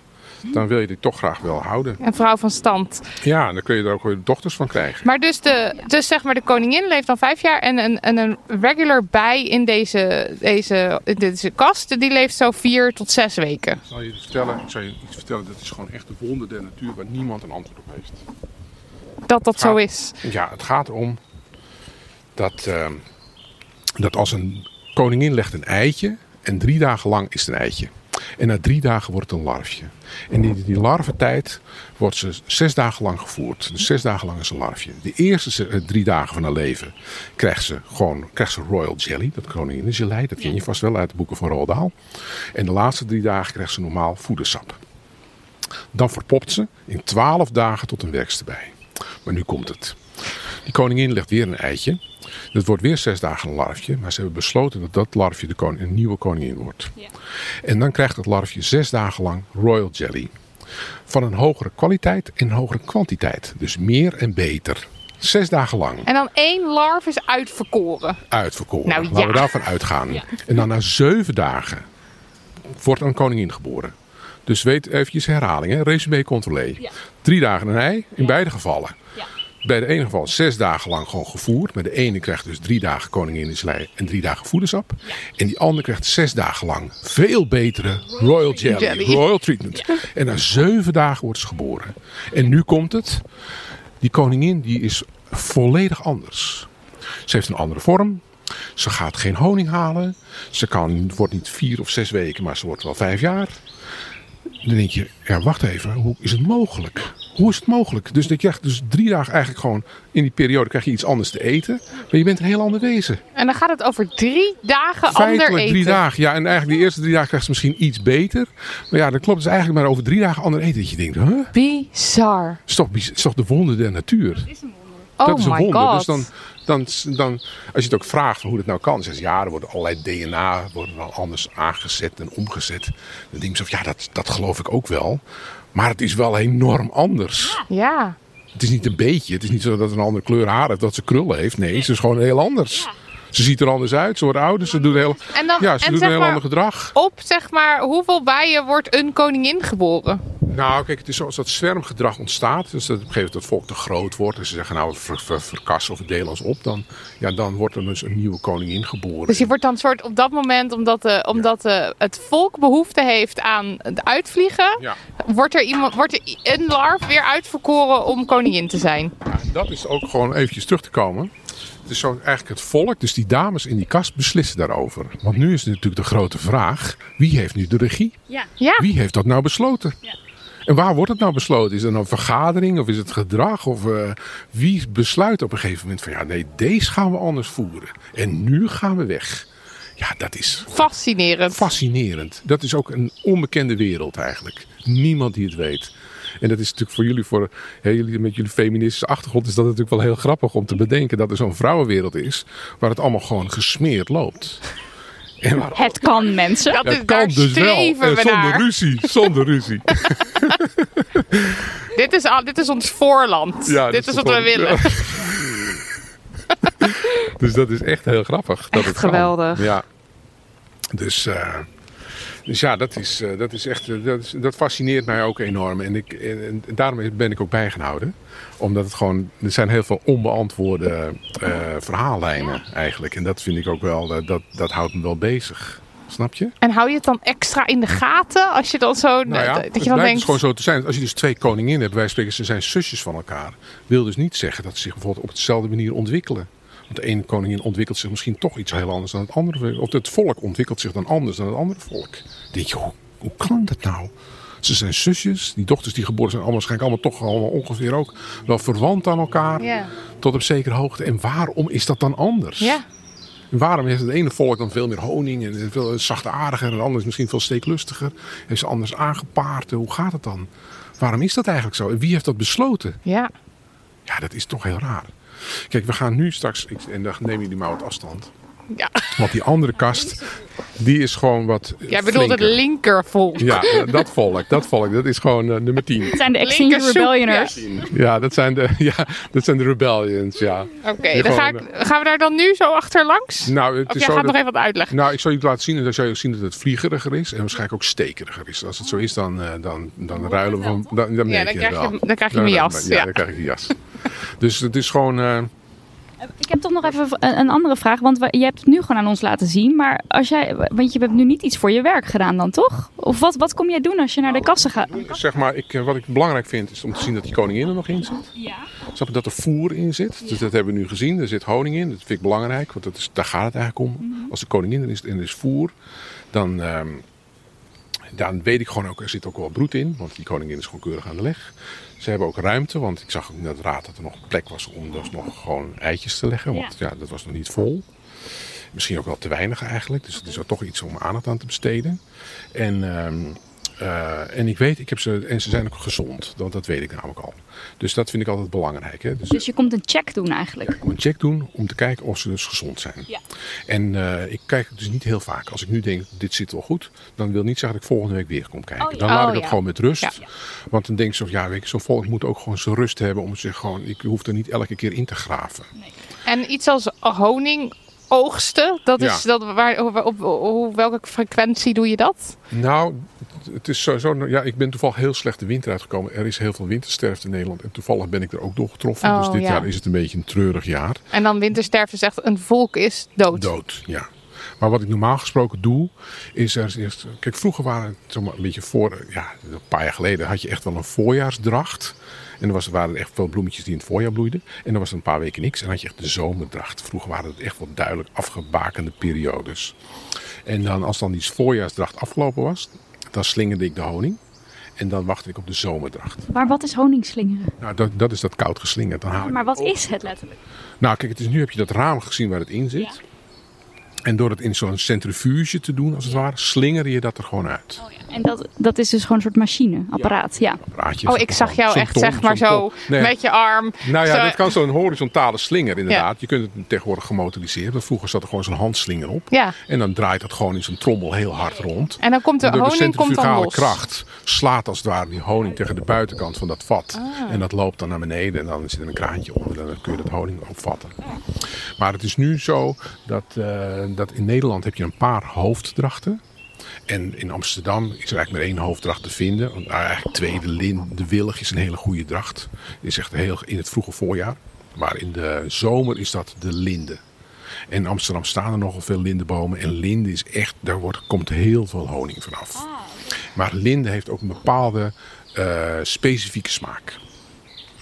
Dus eh, meestal doe ik dan zo dat voordat die linde begint te bloeien en ik heb voldoende honing zeg maar in die kast, dan slinger ik dat. Omdat ik het fijn vind om die smaak als het ware apart te houden van, ja, van En de wat was, lindsmaak. je hebt de lindensmaak en de? Ja, en zeg maar alles wat in het voorjaar bloeit. Z- eh, Zoals? Want je noemde net een ja, voorbeeld. bijvoorbeeld, ja, gewoon ja, wat er gewoon bloeit. Ja, paard. Net zei je wil, wilg of zoiets, toch? De wilgen. wilg, Dus, en dan, heet dat dan wilgenhoning? Nou, het is, nee, het is zo dat je mag in Nederland pas een naam geven aan een honing. Als je dat ook echt daadwerkelijk eh, hebt vastgesteld. Hoeveel, eh, zeg maar, hoeveel pollen er in die honing zitten.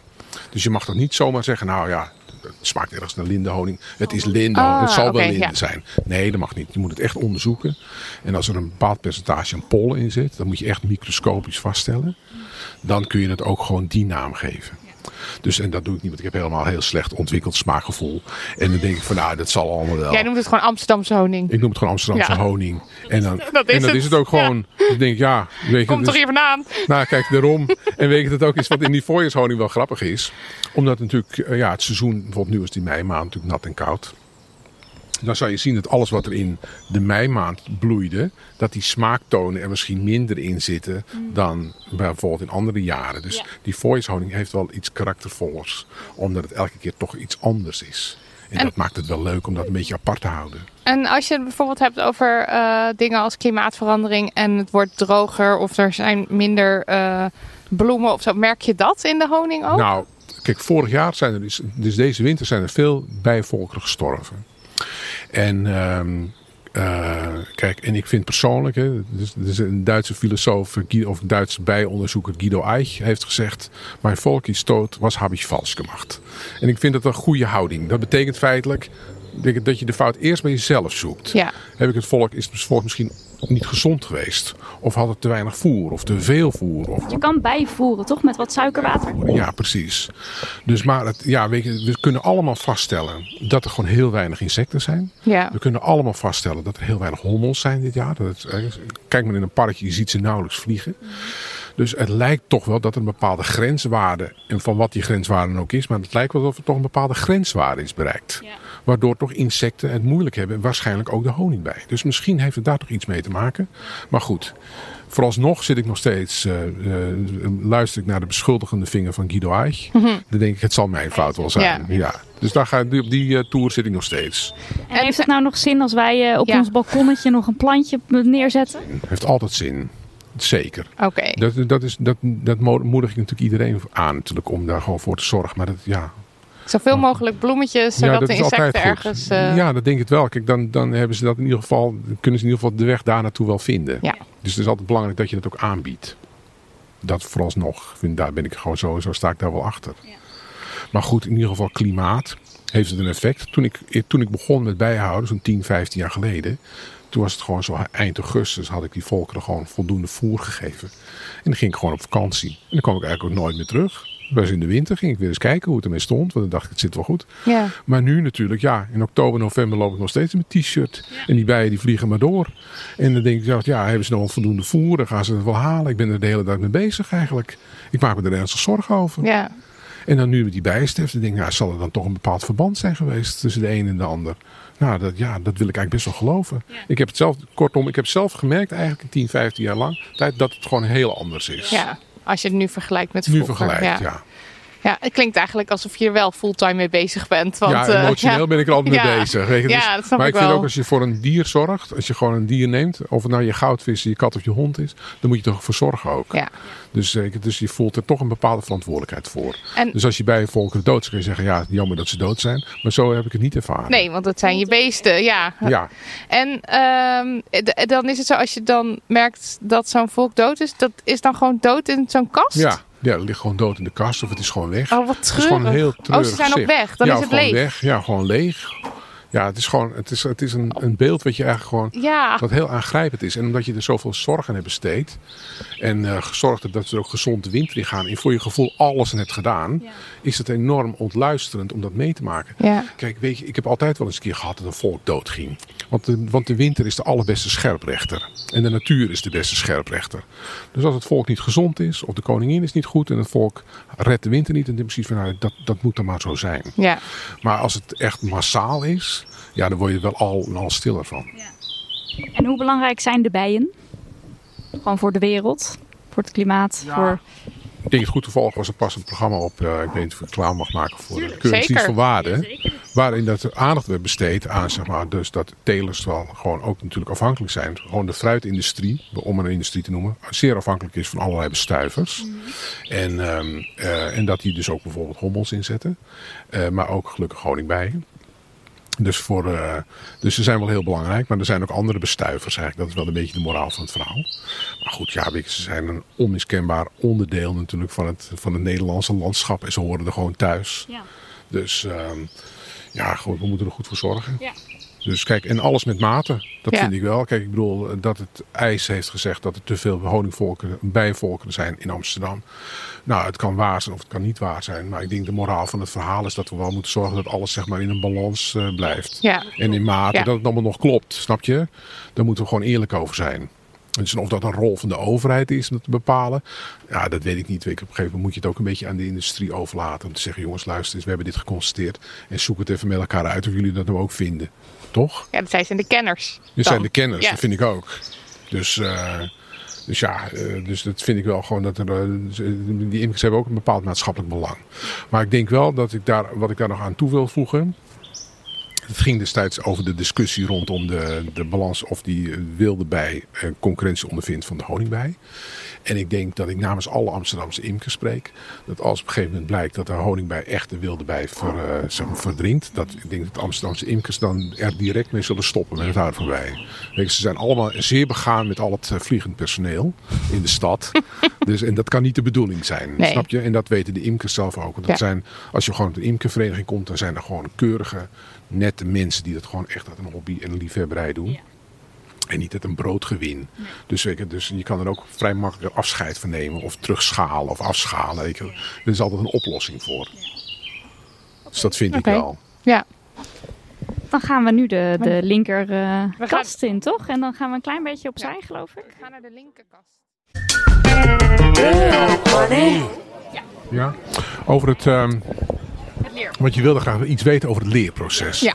Ik, vind dat als je. Kijk, bijhouden is gewoon een vrije hobby. Dus je koopt een kast, bij wijze van spreken. En je vindt een bijenzwerm. Of je koopt een bijenvolk op uh, marktplaats. Dan ben je begonnen. Ja, dus iedereen kan het, Iedereen mag het, kan het. geen certificaat te Geen hebben. certificaat. Of die bij een vereniging aangesloten zijn. Je kan gewoon beginnen. Ja.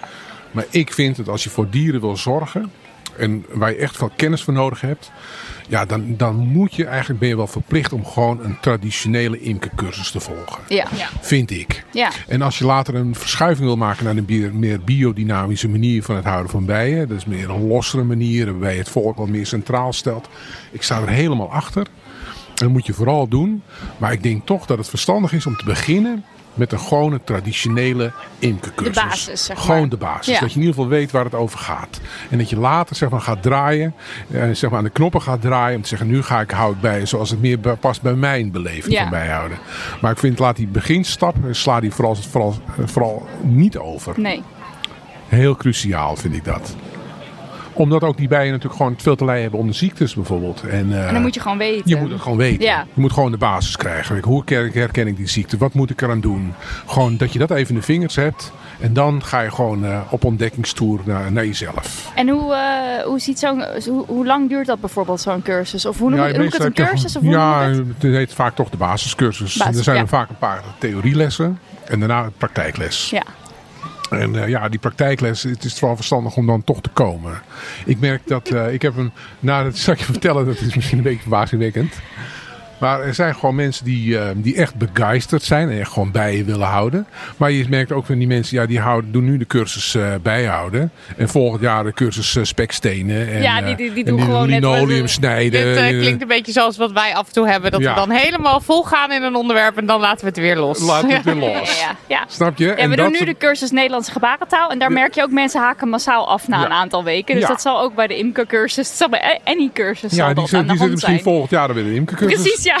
En dan ja, daarop zijn ze aan het spekstenen. Ja. En die, eh, die vermaken zich gewoon zo met een soort Ja. eh, bezigheid eigenlijk. En eh, ja, die pik je er altijd wel een beetje uit. ja. Dat is wel een beetje jammer. Ik vind wel dat als je ergens voor gaat, dan moet je er ook wel veel. Want er zijn, vaak wordt het gegeven door vrijwilligers. Oh, en, ja. Of je moet er toch wel iets voor betalen. En, dus je moet gewoon zorgen dat, dat je er gewoon wel... eh, zeg maar gewoon met een beetje passie en met een beetje drive naartoe gaat. gaan. Dat je echt denkt van nou, dit, dit is ook wel mijn hobby. Ja. Snap je? Kijk, het kan natuurlijk zijn dat, je, dat het blijkt dat je heel bang bent voor bijen. Dat je denkt van nou, ik had er toch een heel ander beeld bij. Of dat je enorm allergisch blijkt te zijn. Ja. En dat je denkt, nou, dat is niks voor mij. Nou, dat snap ik ook wel. Dat kan je tot een nieuw inzicht leiden. Maar als begin moet je er wel gewoon eh, ervoor gaan, Ja. vind ik. En, en hoe, lang duurt, hoe lang duurt de cursus? Waar moet ik aan denken? Nou, je begint meestal in de winter, zeg maar zo rond eh, februari. En dan begint, eh, ja, dan begint het zonnetje te schijnen, zeg maar half maart, zeg maar. Of eh, maart, april. Dan, ja, dan gaan die buitenlessen beginnen. Dus en dan ben je wel om de paar weken heen. Dus ik denk wel dat je in totaal zo'n 10, 12 lessen ben je wel, ben je ja. wel kwijt. En het is wel een vrij dwingend concept, vind ik zelf. Je moet dan ook gewoon gaan. Ja, nee, ja. Gewoon Ja, dat- gaan. ja. Zorgen Ja, dat je erbij ook, ja. bent. En je- en ja, het maar er is- zijn nog van te kijken. Maar het is meteen exposure therapie waarschijnlijk. Of meteen exposure Ja. is het hop, meteen met die bijen. Ja, ja, na die theorieles ga je meteen erbij in. Ja. Dus dat is eh, Spannend. spannend. En Klopt. is het Voor sommigen is het ook heel eh, spannend. eh, Is het, zijn het veel mannen, imkers? Bij imker denk ik meteen aan mannen. Is dat, klopt dat, dat gevoel? Nou, dat valt wel mee eigenlijk. Oké, ja. Valt wel mee. Het is wel een goede mix. Er zijn toch wel veel vrouwen hoor, Want we die het weten doen, nu ondertussen, het is eigenlijk een heel feministisch volk, dat bijenvolk. hoor. Ja. Nee, ik denk toch dat het wel een beetje opschuift naar, eh, naar meer vrouwen. Ja. Maar ik moet je eerlijk bekennen dat als ik naar zo'n symposium ga... dan zie ik wel heel veel grijze oude mannen Oh, Oké, rondlopen. dus het is ook wel... En ik. er kan altijd een... En jij, ja. Een jonge blond. Er kan altijd nog een frisse wind... eh, ja, frisse wind is altijd je- wel een goed. jeugdige aanwas Ja. is, eh, is eh, gewenst. En, eh, ik merk ook dat, eh, dat, ze, dat eh, als er dan jonge vrouwen zich aanmelden, dat heel veel mannen dat wel enorm omarmen. En ook wel gewoon extra, extra een beetje een zetje. Omdat eh, toch ook binnen die imkerwereld wel leeft. Dat het wel leuk is dat er ook gewoon jonge vrouwen zeg maar, ja, een ja, besluit ja. nemen om Het is niet van, eh, dit is eigenlijk een mannenwereld, wat kom jij nou doen? Nee, nee, je wordt Nee. ook niet aan je lot overgelaten. Ze helpen je graag met een volkje. Of als je met een probleem zit of je hebt vragen. Dan vind, word je toch wel zeer warm ontvangen. Maar het lijkt mij wel heel eng alsnog om dan op een gegeven moment opeens je eigen volk te hebben. Of heb je dan nog een soort mentor of zo? Of, of moet je dat zelf? natuurlijk ook. Ik Ja. toen ik me eerst voor het eerst dan dacht en op een gegeven moment dan had, ik had zoveel geleerd. En het jaar daarop dacht ik, hoe zat het ook alweer? Ja, dat, Ik was ja. het helemaal kwijt. Ja. Oh ja, want je hebt natuurlijk gewoon een soort pauze Ja. eigenlijk in de winter. En dan moet je weer. Ja, en dat, alles wat ik dus in die theorieles geleerd had, was gewoon een jaar later. dacht ik, ja, hoe zit het ook alweer? En had je een mentor? Nou, ik heb wel wat rondgevraagd. Het eerste jaar ging het ook gewoon helemaal fout.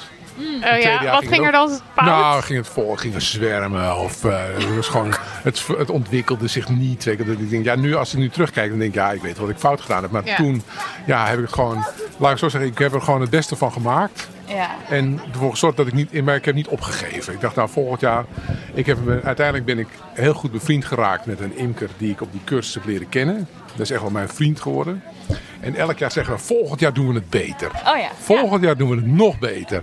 En dat blijven we eigenlijk na 15 jaar later zeggen we dat nog steeds. Ja, leuk. Volgend jaar doen we het kan weer altijd, beter. er is altijd ruimte voor verbetering. Ja, altijd ruimte voor verbetering. En dat zeggen we elk jaar weer. Er zit trouwens ook een bijenvolk bij ons, bij ons kantoor. We zitten in het Volkshotel. Ik weet niet of je dat weet. Daar op het dak zit een... eh, wist je dat of niet? Hmm. Wist ik niet, Dus nee. oké, de imkerwereld is ook weer niet zo dat jullie elkaar allemaal per definitie Nee. kennen. Nee, en kijk, dus, er worden natuurlijk zijn heel veel bedrijven die een bijenvolk op een dak hebben of in een tuin hebben. En eh, ik heb daar een, twee, een tweeslachtige mening over. Ja. Aan de ene kant vind ik dat heel goed, hè, dat je imkers de ruimte geeft om een, eh, om een eh, bijenvolk te plaatsen. Mhm. Aan de andere kant riekt het ook wel een beetje naar greenwashing. Oh ja, ik denk wel dat het in dit geval. eh dat is iemand die zit bij. wij- We zitten in een broedplaats, heet dat. Dus Ja. ons kantoor zit bij allemaal kunstenaars en allemaal eh, creatieve of eh, activistische-achtige types, zeg maar, net als wij zelf. En volgens mij heeft hij. Hij? Hem? Laten, we, laten we voor de zekerheid die zeggen. Die persoon, Ja. die heeft er denk ik zelf gevraagd of, of dat Ja. daar mocht. Dus dat Ja, was niet zo van. Volkshotel Ja, wil... dan, dan, eh, dan is het de eerste kant. Dan vind ik het heel goed dat er een plek wordt Oh ja. geboden. En we kregen ook een, een update dat het bijenvolk de winter overleefd heeft Ja, laatst. dat is dus dat was hartstikke leuk. En nu is het dan weer volop gaande daar Ja, op het is, eh, dak van het Volkshotel. Ja, in dat opzicht moedig ik het dus enorm aan. Maar als er bedrijven zijn die zeg maar niet echt een groen imago hebben. Nou ja, ja. Nou ja Shell staat echt op het dak van Shell zat één bijenkast. Ja, snap je, dan heb ik altijd zoiets ja. Snap je, dan denk ik, of ja, weet je, dat is, nee, dat, dat vind ik, dat, daar is meer voor nodig. Ja, ja, snap ja. ik bedoel? snap het ook, ja. En eh, wacht, ik had Oh ja, ik vroeg, je nou, ik vroeg je net, maar toen was je heel geconcentreerd bezig. Toen hebben we het even gelaten. Hoe het dan, wat zijn darren? Oh ja, daarom zijn ze heel vergeten. Kijk, Ja. nou, het is zo, dat, het is heel, ja, inderdaad, we zijn de mannen helemaal vergeten. Nou, zo dat maakt in- mij niet uit, maar ik wil toch gewoon graag heel eventjes de facts. Ja, weten. klopt. In april, ongeveer maart, april, dan worden de eerste darren geboren. Dus die mannetjes die gaan dus niet mee in de winter. En die, eh, eh, uiteindelijk komen er zo'n 1500 tot 2000 darren in het volk. En die, ja, die zijn eigenlijk... Die, die, eh, die, die mogen in het volk blijven tot het einde van het seizoen. Zo augustus, september. Dus dat is de periode dat ze er zijn. En eigenlijk het enige doel voor ze te zijn is eigenlijk om te paren met de koningin. Voor de rest doen die mannen niet zoveel. Ja, dat is best wel heel veel. Jimmig, ja. Dat is best wel heel veel. Dus en eigenlijk doen ze niet zo heel veel, die mannen. Maar En- ze leven dus maar een paar maanden. ja, en die, die bijen die hebben ze dus echt gewoon nodig voor het voortbestaan. Eigenlijk niet zozeer voor het eigen soort. Want die koningin die zal als het goed is paren met een andere dar. Maar zeg maar gewoon voor het totale voortbestaan van de hele bijenpopulatie. Onderhouden ze dus die mannen. En aan het eind van het seizoen, als dus er geen koninginnen meer geboren worden, dan worden die darren ook gewoon afgestoken. Dat heet ook gewoon de darrenslacht. Ze komen er niet meer in. De Ze worden, darrenslacht. ze worden de, er door die de mannen. bruidsvlucht. Prachtig hoor.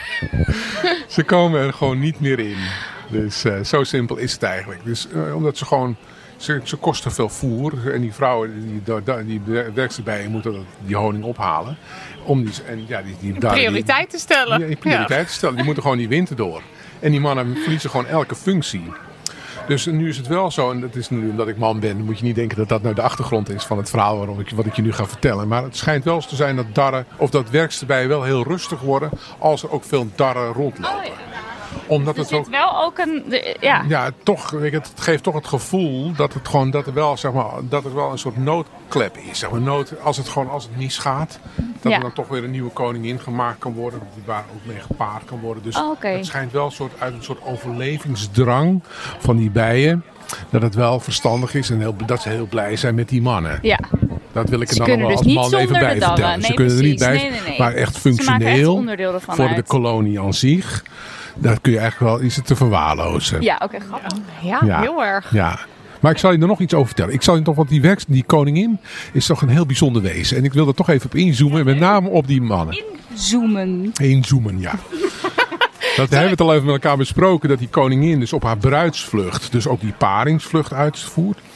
En zeg maar, dat sperma wat ze dus eh, tijdens die bruidsvlucht dus, eh, ja, ontvangt, eh, binnenkrijgt.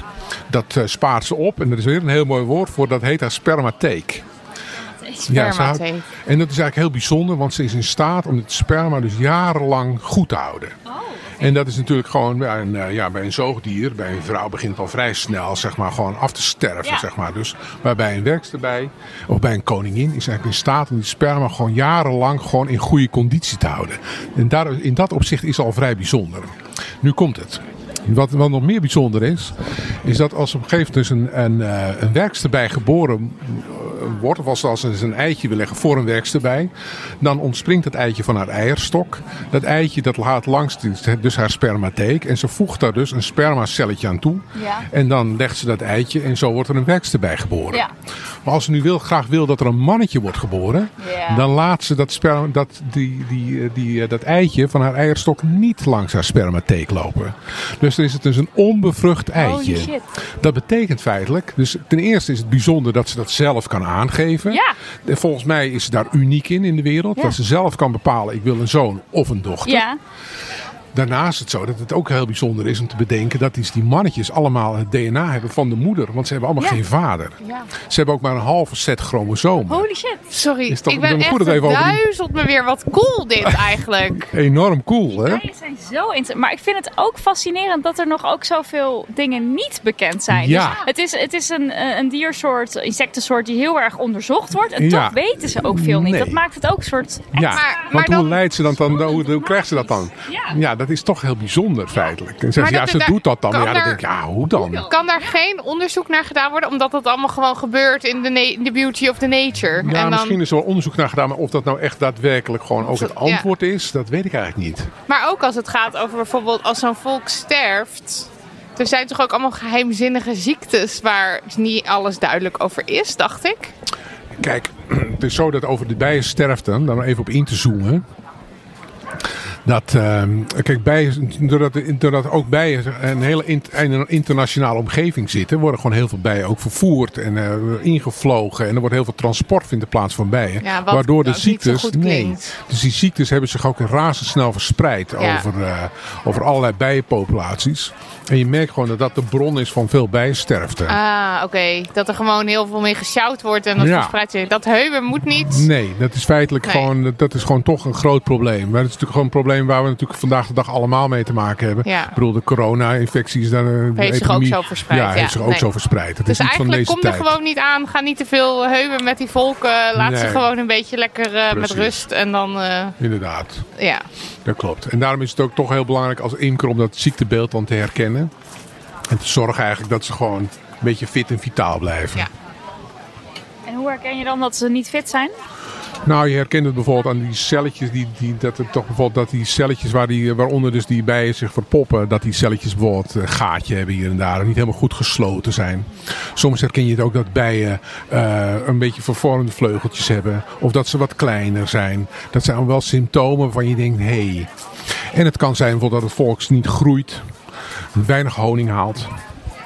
En dat is toch belangrijk, want ook al ben je zeg maar niet echt. Er zijn imkers die zijn niet zo gefocust op honing. En er zijn imkers die dat wel zijn. Maar in theorie gesproken is eigenlijk elke imker geïnteresseerd in honing. Want honing is een indicatie dat het volk gezond is. Ja. En dat het ook op een plek staat waar gewoon heel veel honing te halen valt.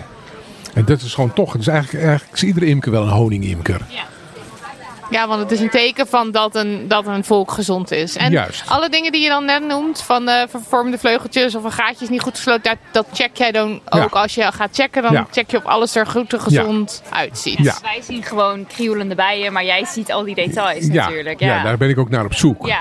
Snap je? Zit er voer in? Hoe, hoe zijn er gesloten celletjes? En, dus, eh, eh, en, en zeg maar wat we dan net zagen, jij haalde die dingen eruit, daar waar de koningin loopt. Daar lopen ook de darren nu. ja. En, die zijn, en dan, die zijn dan nu dus letterlijk aan het ronddarren met die koningin. Nee, nee, nee. Het is niet Oh. zo dat die, die paring die vindt echt plaats in de lucht. Dus rond, rond, in, rond het middaguur dan vliegen ze allemaal uit. Rond een uur of twee en rond een uur of vier komen ze allemaal weer terug. Elke dag? Dus, ja, elke dag. Dus als je nog eens een keer in de buurt bent van een bijenvolk en je bent er zo rond een uur of twee of je bent er rond een uur of vier, dan zul je horen en zien, want ze maken enorm veel herrie, dat die darren in en uit vliegen. Dus die koningin, die paring van die koningin vindt ook rond dat tijdstip plaats. Oh. Ergens in de middag. Dus het is niet zo dat nou de hele dag gepaard wordt.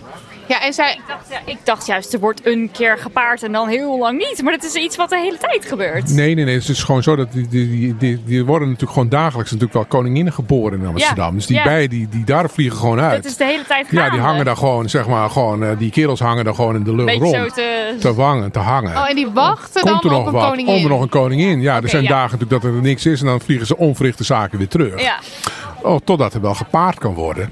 Oh, dus die, maar, en dan de bruidsvlucht van de, van de koningin, dat is eenmalig. Dat is eenmalig. Ja, Ja. maar die Ja, mannen ja. die vliegen dus elke dag uit, zeg maar, gewoon om te kijken van oh, wat, het, er eh, wat. er ja. gebeurd is. Oké. Hey, en je ziet wel eens in eh, films of zo zo'n eh, bijenvolk wat dan helemaal op iemand gaat. Is dat realistisch? Dat bijen echt zo achter je aankomen? Ja, het is zeker Oh, wel eens. Ja, Oh. zeker. Zeker dat ze gewoon Soms worden zijn ogen zo groot. Ja, nee, dat Dan is echt je- waar. Nee, dat is Oh, mij ook oké. wel gebeurd. Vooral Oh, in die begintijd. Dat ik gewoon echt van die bijvolk. Dat Dan heb je echt iets even fout gedaan. En nou dan ja, komen nee, met zit, z'n er, daar zit er zo'n agressief. Dan is het volk toch Agressief dusdanig onstemmig. Dat ik zelfs nog in mijn pak gewoon op de fiets zat. En dat ze gewoon nog achter me aankwamen. dat mensen joh. op de dijk hebben gedacht. Wat, wat doet die man daar in dat gekke pak? Maar wat is er, hoe weten ze dan, waarom komen ze dan achter je aan? Ja, dat is dan toch. Ja, Iets. ja, dat is dan toch iets. Dat is toch bepaalde agressiviteit. zeg maar, die, ja, die er toch in zit. Ik bedoel, dat is toch gewoon. Kijk, we hebben deze bijen in Nederland wel ge- behoorlijk gedomestificeerd. Kijk, als je naar Afrika gaat, ja, daar worden ze gewoon beschermd. Daar hangen imkers ze gewoon op, zeg maar, om olifanten te verjagen. Kijk, dat is niet een zachtaardig ja. volkje, shit, snap je? ja. Dat zijn wel echte bijen Ja. die gewoon echt heel defensief zijn. Ja. Dus die, die gaan er gewoon voor, die meiden. Die, eh, die, die, die, beschermen. Die meiden. I love hem. Ik ben doodsbang voor ze, maar je Oh, ja, nee, klopt. nee, die gaan oké. echt. Dus, dus, Dus dat het, is wel ehm, heel anders. Dus wij hebben net een soort van heel rustig volk gezien. Maar als Ja. je in de buurt van een bijenvolk komt, dan is niet de aanrader van ga eens Nee. even gezellig loeren. Nee, nee, dus daar zou ik toch wel afstand bewaren. Ja, Want ja. het- je weet het maar nooit. Nee. Je weet het maar nooit. En wat is voldoende afstand? Een paar meter. Nou, een paar meter. Weet je, dus die bijen die doen ook gewoon hun eigen ding. Snap je? Dus ja, weet je, ja, die zijn ook gewoon druk bezig. Dus die, die zullen je echt niet zomaar achtervolgen als er geen directe aanleiding Nee. is. Of je hebt een parfummetje, goedkoop parfummetje van de markt op. Nee, precies. Ja, dan, Dus, eh, dan, eh, dan, dat moet ja, je dat moet niet je dan doen. wel, moet je niet doen. Het moet Naar wel een goed knappe parfum ruiken. zijn. Naar jezelf ruiken. Ja. Leuk. Ja, nog iets? Waarvan we denken dat dit? Ik denk dat ik er... Nee, ik vroeg net van, eh, de, die kasten zijn redelijk dicht bij een huis. Nou ja, Ja. wel echt nog meters ervan af. Maar goed, dat is dus niet eng of zo. Nee. Nee, dat Nee. kan gewoon. Ja, dat kan. Dat kan gewoon. Er is in Amsterdam ook geen algemene politieverordening. In Amsterdam mag je feitelijk overal een bijenkast neerzetten. Ook op een balkon. Ja, buur mag ja, gewoon, ja. op je balkon ook. Dus een paar jaar geleden is er ook een soort protest geweest van een onderbuurman die beweerde gestoken te zijn. En, eh, maar die, eh, die vrouw mocht gewoon haar bijenkast gewoon op, de op het balkon laten staan. Oh ja. Dus het mag gewoon. Oh ja, ik zou dat dan toch niet zo chill vinden als Nou, ik mijn buren zelf, dat nou, ik deden. nee, ik zou het zelf ook niet zo chill vinden. Ik vind het gewoon toch, je hebt er toch een bepaalde verantwoordelijkheid voor. Dus ik zou het zelf denk ik niet doen. Maar feitelijk ben je er wel vrij om dat te doen.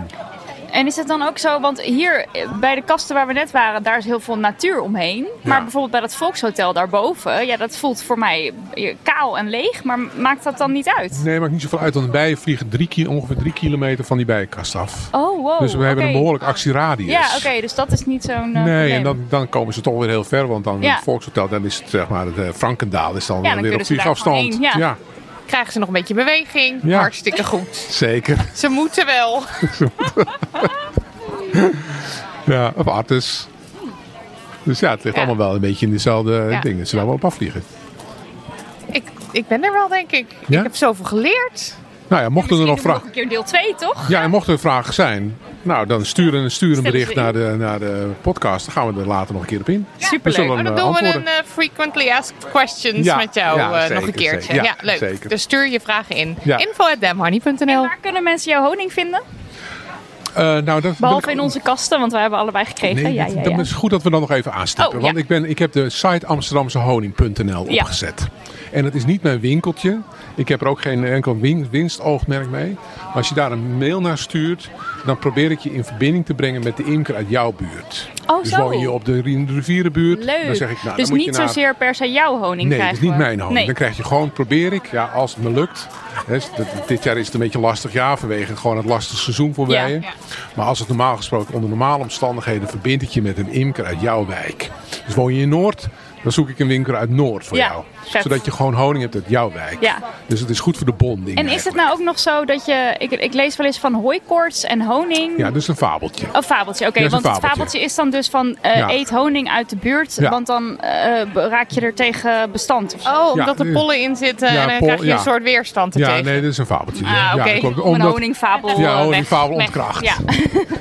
Ja. Oké, dus amsterdamshoning.nl en dan Ja, word je of verbonden. jullie. Of naar Den Of ons, ja. Ja. En, maar ik zag volgens mij eh, laatst in een bakkerij zag, zagen we je honing staan bij Ja, de klopt. Pinkies Op de. Potjesweg, ja. Pink's Bakery, dat Ja, klopt. Het- ja. het- het- daar heb ik toevallig honing staan. Toen zag, toen zag ik die Ja, die- potjes en toen dacht ik, hé, hey, dit herken Hey, ik. Ja, ja, dat, dat is hartstikke leuk. ik. Ja, dat klopt. Dat dus klopt. soms op plekken, of is dat de enige plek? Nee, dus bijvoorbeeld ook, ja, ik mag wel reclame maken. Tuurlijk, bijvoorbeeld bij door. Sterk, avondwinkel Sterk bijvoorbeeld. Oh, Hebben ook, zijn zeer, die zijn ons zeer eh, welgezind. Leuk. En daar staat toevallig onlangs, dus wees er snel bij, daar staat toevallig honing van een eh, imker die, eh, die zijn bijen heeft staan bij, eh, eh, bij het Olympisch Stadion. Oh ja. Oh, er wordt gebeld? Ja. Nee hoor. Ja, nee? nee? Oké. Eh, Oké, Ja? dan weten we dat, ja. Ja, goed. Nou, Heel veel dank. Dit was echt graag gedaan. Ik geweldig. vond het ook heel leuk jullie Wat waren. een avontuur was dit. En ik heb misschien wel een beetje bijenangst overwonnen. Een klein Nou, beetje. Ik heb toch achter die kasten gestaan. Hartstikke dichtbij. Dus Ja. dat heb je, ja, ja, ja. ja. Goed voor jou. Ja, ik vond het ook heel leuk dat jullie er waren. Yes, eh, fijn. Ja? Op naar deel volgende twee. keer. Ja. Tot- Ja, hoi hoi. Doei! Dit was de Bijenaflevering. Heel veel dank aan René van Amsterdamse Honing. Check amsterdamsehoning.nl als je meer wil weten of honing wil kopen. Of kijk even op damhoney.nl slash bijen. Zoals altijd, dank aan Daniel van de Poppen voor de edit, Lucas de Gier voor de jingles en Lisbeth Smit voor onze website. Bedankt transcript bijtjes Paulien, Yvonne, Imke, Melissa, Paula, Pieke, Guusje, Maaike, Tess, Anna, Klaartje, Isidore, Maaike, Robin en Julia. En Amberscript, de software waar we gratis gebruik van mogen maken voor het transcriberen. Bedankt. Stuur geen post naar info.dammoney.nl, want wij zijn met vakantie. Stuur wel geld, want we zijn met vakantie. Ga naar petjeaf.com slash damhoney en steun ons met een eurotje of wat per maand. En krijg toegang tot onze tweewekelijkse bonuspodcast. Je doet het er maar mee. Of niet. Zelf weten.